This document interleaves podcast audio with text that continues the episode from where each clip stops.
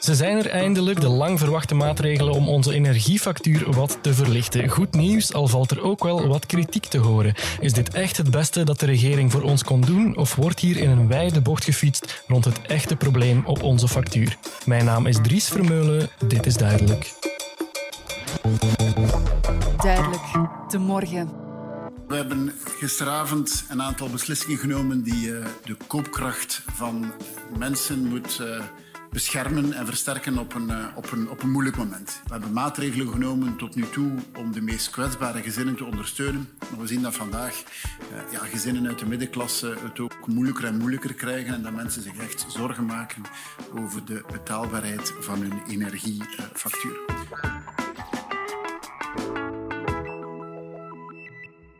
Bij mij aan tafel zit Jeroen van Horenbeek, journalist bij De Morgen. Jeroen, eerder deze week was het eindelijk zover. Er is een akkoord met maatregelen om onze energiefactuur een beetje te verlichten. Dat heeft lang aangesleept. Hè? Waarom heeft dat zo lang geduurd? Dag Dries. Um, ja, ik denk omdat gewoon ook... Wat we niet mogen vergeten is dat het een heel technisch dossier is. Hè. Energie is sowieso heel erg technisch. En dat vraagt dus wel wat tijd om dat allemaal uh, een beetje juist uh, af te stellen en uit te rekenen, ook gewoon achter de schermen. Maar los daarvan, van, van, de, van de complexiteit, is natuurlijk ook gewoon een heel erg zware politieke discussie geweest. Mm -hmm. um, nog eens even voor de goede orde misschien. Wat is er nu precies beslist? Hoe gaat de regering ons helpen? Dus er zijn eigenlijk uh, drie dingen beslist. Dus in, in de eerste plaats is er de verlenging van het sociaal tarief. Dus voor toch bijna 1 miljoen huishoudens in ons land is dat uh, heel erg welkom nieuws, want dat ging aflopen in maart. Dat zijn de mensen met de lagere inkomens? De lagere inkomens, ja. Dus de mensen die problemen hebben echt om hun factuur te kunnen betalen. Die worden gesteund door eigenlijk een lager uh, energietarief, dat toch substantieel lager ligt. Mm -hmm. En dus die mensen die kunnen nu tot aan de zomer genieten van dat lager tarief. Dus dat is, ja, dat was ook een, een politieke no-brainer eigenlijk. Kon je niet verantwoorden dat je in die crisis die mensen terug op normale tarieven zou zetten. Zou bijna betekenen, ik geloof, een factuurshock van 2000 euro voor die mensen. Ja, ja. Dat, dat, dat was ondenkbaar dat ze dat gingen doen. Dus dat is dat. En dan is er nog voor, als ik de, de middenklasse tussen aanhalingstekens, als ik zo mag zeggen, heb je dan een, uh, een verwarmingspremie. Dus een eenmalige premie van 100 euro die je mm -hmm. zal krijgen. Om eigenlijk de extra kosten voor verwarming te dekken. En dan is er een btw-verlaging, maar een btw-verlaging alleen op elektriciteit. Dus de btw zal tijdelijk uh, van 21% naar 6% gaan. En dat is dan nu vanaf maart tot ook de zomer, tot juli voor vier maanden. Dat was kort samengevat nog eens wat de regering precies heeft beslist. We hebben op onze website op demorgen.be gevraagd aan onze lezers wat zij vinden van die maatregelen en of die hen nu ook echt helpen in hun specifieke situatie. We hebben daar heel veel reacties op gekregen. We gaan er een paar beluisteren in deze podcast. We beginnen met Christine Guicchière uit Brugge. Wij wonen in een rijwoning in het stadscentrum en mogen geen zonnepanelen plaatsen. Wij verwarmen op gas en hadden tot nu toe een betaalbare energiefactuur. Daar komt nu verandering in. We, hebben reeds via NG vernomen dat we het driedubbele zullen moeten neertellen maandelijks. Ook hebben wij een afrekening van meer dan 1000 euro die we één deze weken in onze bus mogen verwachten. Wij hebben een variabel energiecontract. Dit akkoord helpt ons niet.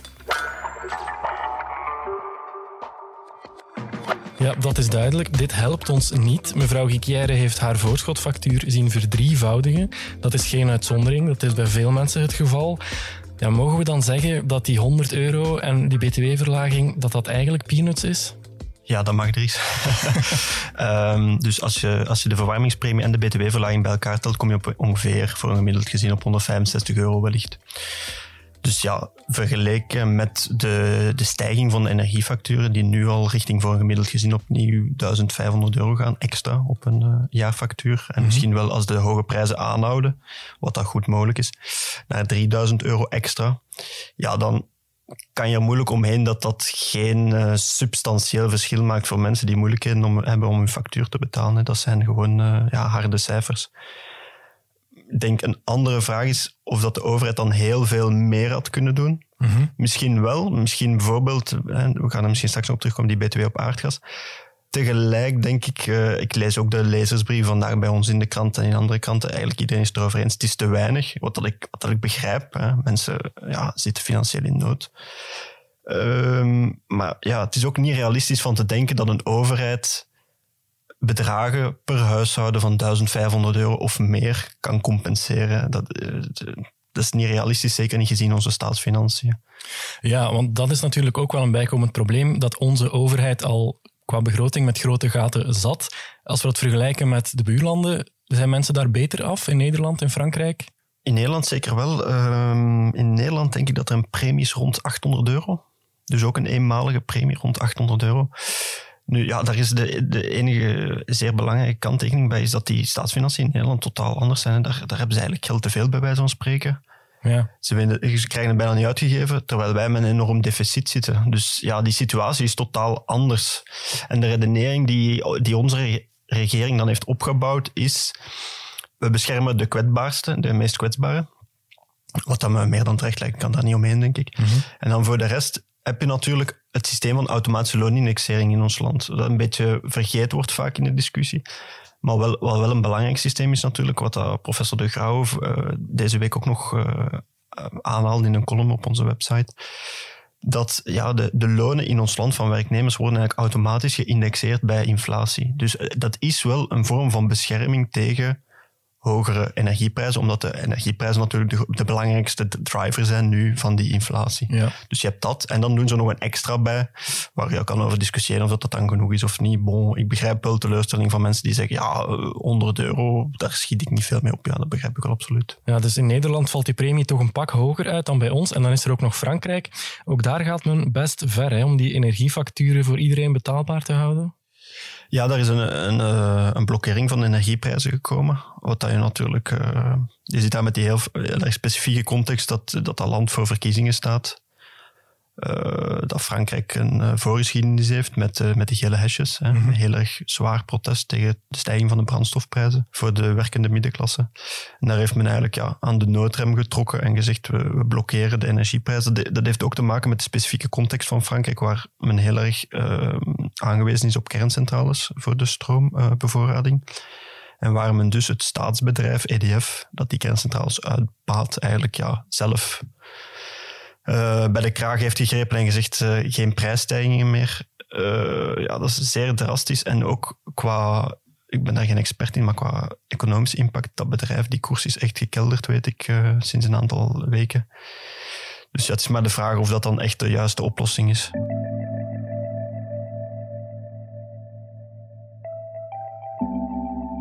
We gaan nog eens luisteren naar een lezer van de morgen. Dit is Wim Bonen uit Harelbeke. We zijn een uh, nieuw samengesteld tweeverdienersgezin, vier opgewoende kinderen. Voor ons gaan de extra maatregelen op zich waarschijnlijk niet volstaan, maar maakt me tegelijk wel geen al te grote zorgen. In ons geval gaan automatische indexering en loonsverhoging het grootste stuk wel compenseren, denk ik. Voor hogere inkomens is dat nog meer zo. Het zijn vooral de laagste inkomens die hulp nodig hebben, en van mij mocht gerichter beleid dan eigenlijk wel. Ik snap natuurlijk dat een actueel probleem politiek uitdacht om oppositie te voeren of te scoren met oplossingen. Maar dit soort steekvlampolitiek om bij elke crisis nieuwe maatregelen te nemen, vind ik ook wel vermoeiend. En misschien leidt dit ook nog tot overcompensatie, waar we dat eigenlijk niet nodig heeft.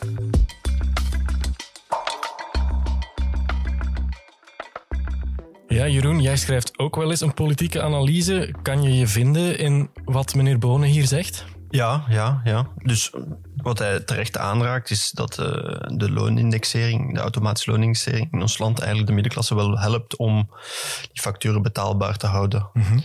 En dat je dan misschien meer de vraag kan stellen van, ja, moeten we dan niet vooral naar die meest kwetsbare kijken? Dat is eigenlijk de redenering geweest in oktober. Dus in oktober, herinner je, was er ook al een, een lange discussie over de energiefactuur. Ja. Toen eigenlijk die crisis begon en men door had van, oei, er moet iets gebeuren. En toen heeft men bewuste keuze gemaakt van, we gaan dat sociaal tarief uitbreiden, toen ook al. En daar dan nog een eenmalige premie van 80 euro bovenop doen, alleen voor de meest kwetsbare groep. Nu heeft men de, de extra gedaan om ook toch breder te gaan, omdat ook die energiecrisis wel breder impact heeft, daar kan je niet omheen. En ook denk ik uit de politieke afweging dat uh, de regering De Croo, waar toch ook een aantal uh, centrumrechtse partijen zitten, heel vaak de kritiek begon te krijgen vanuit de oppositie van wat doe je voor de middenklasse, doe te weinig voor de middenklasse. Ik herinner mij een recent interview met Bart de Wever in de, in de krant De Tijd, waar hij zegt, ja, de, de enige die uh, beter worden van Vivaldi, dat zijn de mensen zonder job. Ja, ja de, de, dat, dat beeld wil je natuurlijk wel een beetje counteren, zeker als je een liberale premier bent die toch altijd rijdt of probeert te rijden voor de, de, ook de middenklasse. Ja, bon, dan snap ik dat ze daar wel wat gevrongen mee zaten om toch ook iets te doen voor die, voor die groep boven dat sociaal tarief. De grote kritiek die je nu hoort op die btw-verlaging is dat, die eigenlijk, dat dat eigenlijk een cadeautje is voor de mensen die iets meer verdienen en die ook meer verbruiken, want die krijgen dan ook meer korting. Is daar iets voor te zeggen? Is dit vooral een cadeautje voor de, voor de grote verdieners?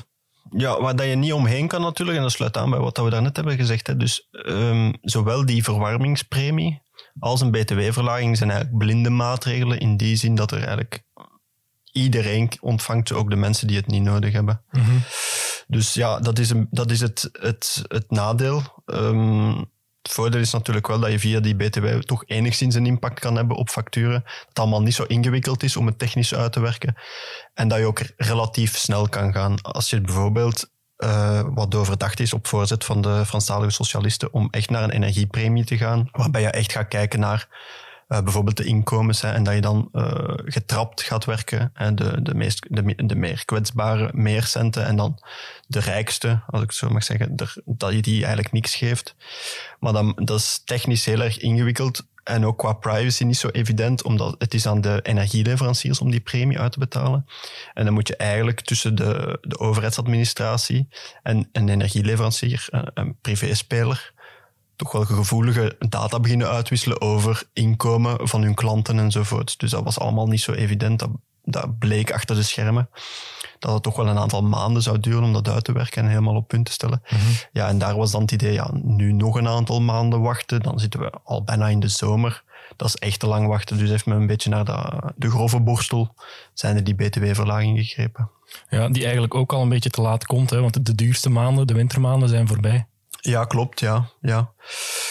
Nu, daar zit je altijd een beetje met het probleem Um, dus men heeft in oktober een eerste keer ingegrepen met het idee, die crisis die gaat nog lopen tot het einde van het jaar. Mm En dan gaan die prijzen wel geleidelijk aan terugzakken. Ja, dat is fout gebleken. En dan rond de jaarwisseling bleek dat die prijzen alleen maar stegen en dat echt het probleem alleen maar groter werd. Dan heeft men eigenlijk begin januari beginnen nadenken over wat gaan we doen. Dan heb je een aantal weken gehad hè, die ons tot in begin februari hebben gebracht. En je zit sowieso met nog eens ja, toch minstens een maand implementatieperiode. Dus je zit eigenlijk al heel snel tegen dat ze eigenlijk door hadden eind 2021 van oei, dit probleem gaat niet uh, zichzelf oplossen in 2022. Mhm. Ja, dan was het eigenlijk al bijna te laat voor de winter. Dus ze, ze, liepen eigenlijk bijna per definitie achter de feiten aan, omdat men eigenlijk op had gerekend dat die, dat die crisis wel niet zou voorbij zijn, maar toch luwe eind 2021, begin 2022. En dat is, ja, dat is niet waar gebleken. En door Onder andere door de situatie in Oekraïne enzovoort. Ja, ja. ja die btw-verlaging is nu tijdelijk, vier maanden tot en met juni. Gaat men er dan vanuit dat na juni de prijzen wel zullen dalen? Nee, ik denk het niet, want de vooruitzichten daar op lange termijn zijn dat we toch zeker tot het einde van het jaar nog wel met behoorlijk hoge prijzen zullen geconfronteerd worden. En ook de komende jaren eigenlijk nog met hoger dan normale prijzen. Als je het echt op lange termijn bekijkt, ga je maar richting 2023, 2024. Bon, dat is altijd een beetje glazen bol kijken. Mhm. Maar ga je pas dan naar een soort normalisatie van de energieprijzen. Um, ik denk dat daar gespeeld heeft opnieuw een aantal budgettaire overwegingen van vier maanden. Dat, is nog, dat valt binnen het te behappen, het financieel mhm. te behappen voor de staat. Dat kunnen we ook compenseren met die hogere btw-inkomsten die daarvoor binnengekwamen waren via de energiefactuur. Dus eigenlijk de, de, wat de overheid nu voor een groot deel doet, is eigenlijk de btw-inkomsten die zij extra hadden, dankzij die verhoogde energieprijzen, hebben zij nu terug doorgestort naar de consument, naar de gezinnen, ja. om hen dan terug een beetje te compenseren. Ze leggen eigenlijk, ze doen een inspanning van 1,1 miljard. Van die 1,1 miljard komt er eigenlijk dikke 800 van de BTW meer. En dan ook 300 die echt uit de staatskas, als ik het zo mag zeggen, komen. Dus ik denk dat daar vooral een financiële afweging speelt.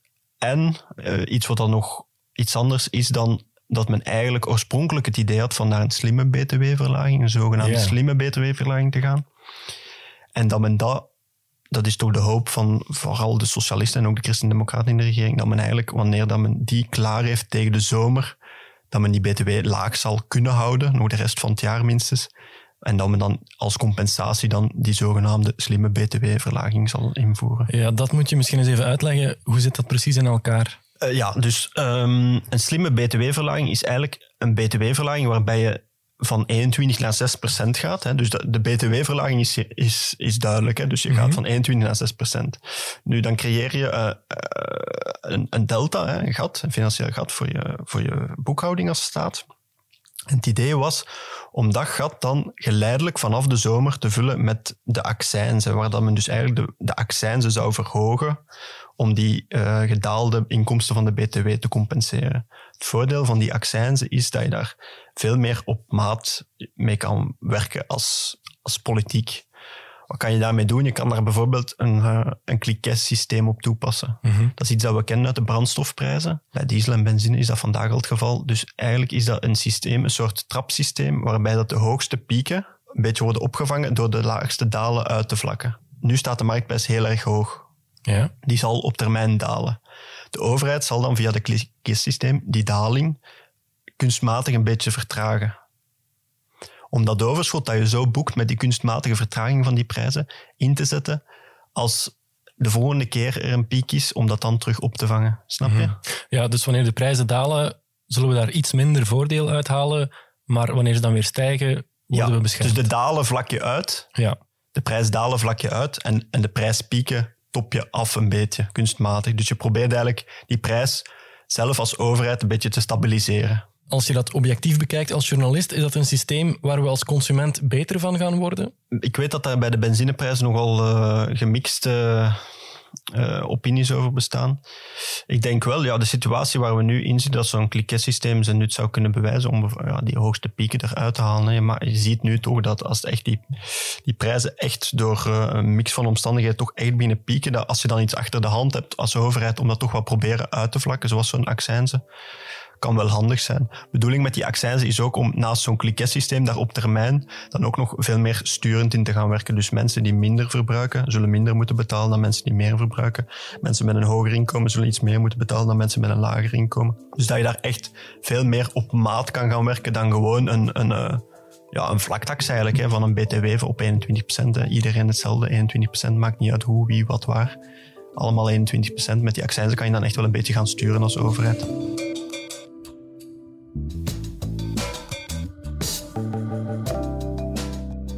Is nog een olifant in de kamer waarover we het nog niet uitgebreid hebben gehad in deze podcast. En dat is misschien wel het echte probleem achter uw energiefactuur dat niet concreet wordt aangepakt: de waanzinnig hoge gasprijzen.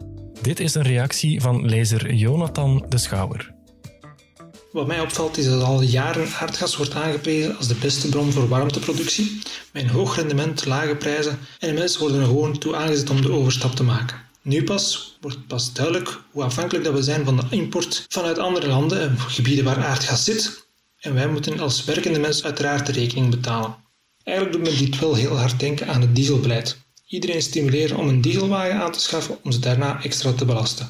Wat mij logischer lijkt is om mensen te stimuleren om zelf voorzienend te zijn in hun energie en zo minder afhankelijk te worden van de ene of de andere partij die de kraan open of dicht kan zetten.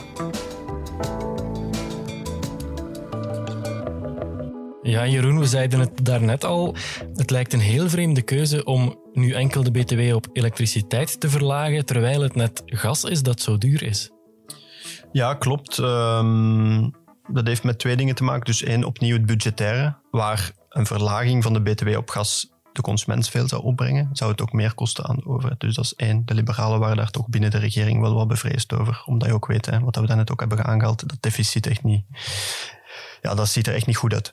Twee, wat dat je daar had ook, en dat was dan meer een vraag vanuit Franstalige België, is natuurlijk, er zijn niet iedereen verwarmt op aardgas. Mm Er zijn ook, ik denk dat ongeveer de helft, denk ik, dat, uh, van de Belgen verwarmt op aardgas en uh, de rest dan op elektriciteit of op stookolie. Ja.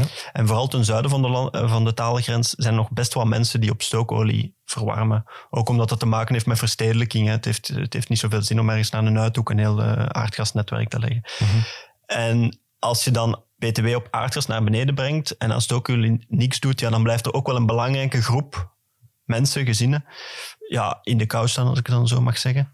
Dus daar was toch de bezorgdheid van, kunnen we die mensen ook iets doen? En vandaar die overkoepelende verwarmingspremie. Want bijvoorbeeld de BTW op stookolie verlagen, wat je dan zou kunnen zeggen, verlaag die BTW dan ook, dat mag niet van Europa. Dus dat was eigenlijk geen optie, om dat ook nog een BTW-verlaging op toe te passen. Dus heeft men daarvoor die overkoepelende 100 euro.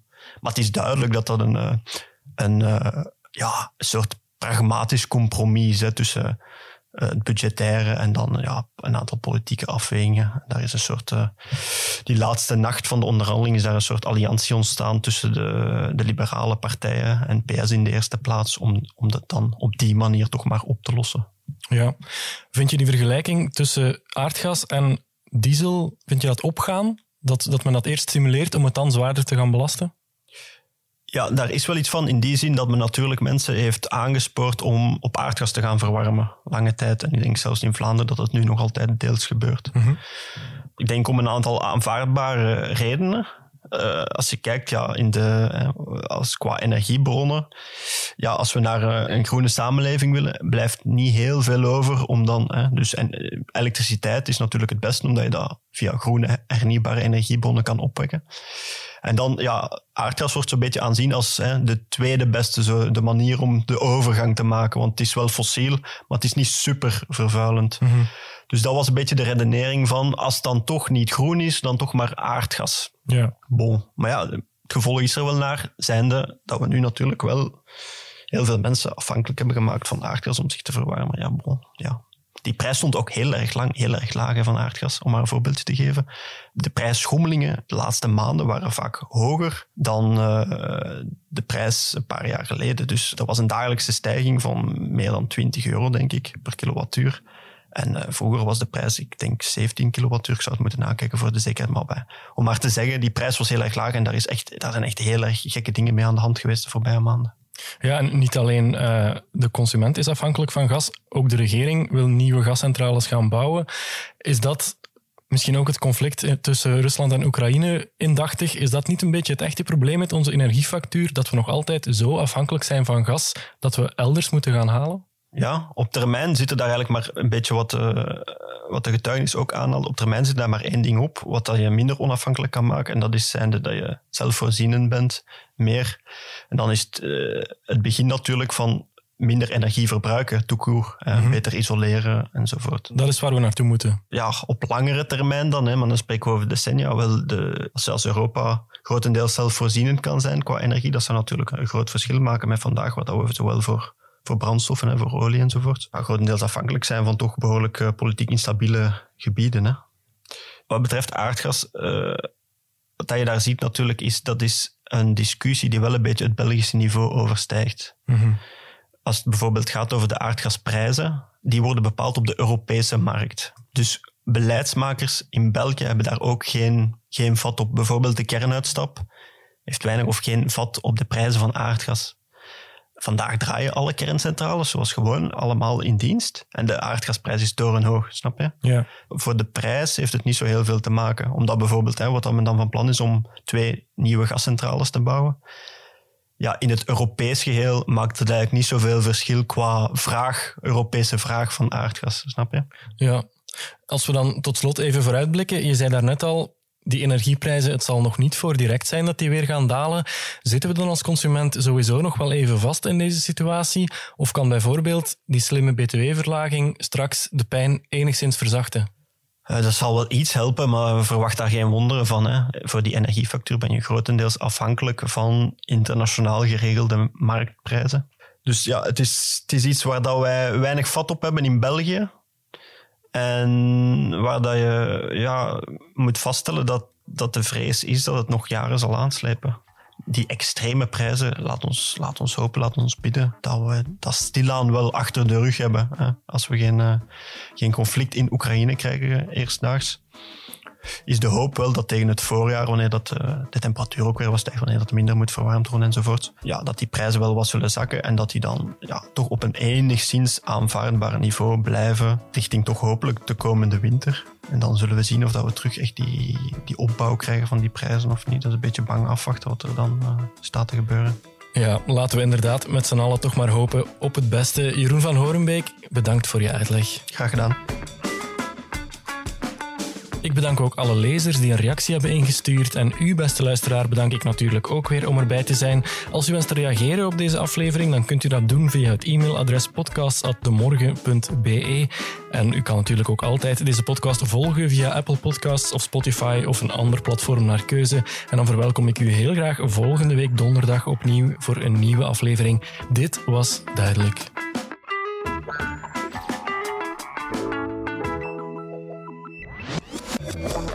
Duidelijk. De morgen.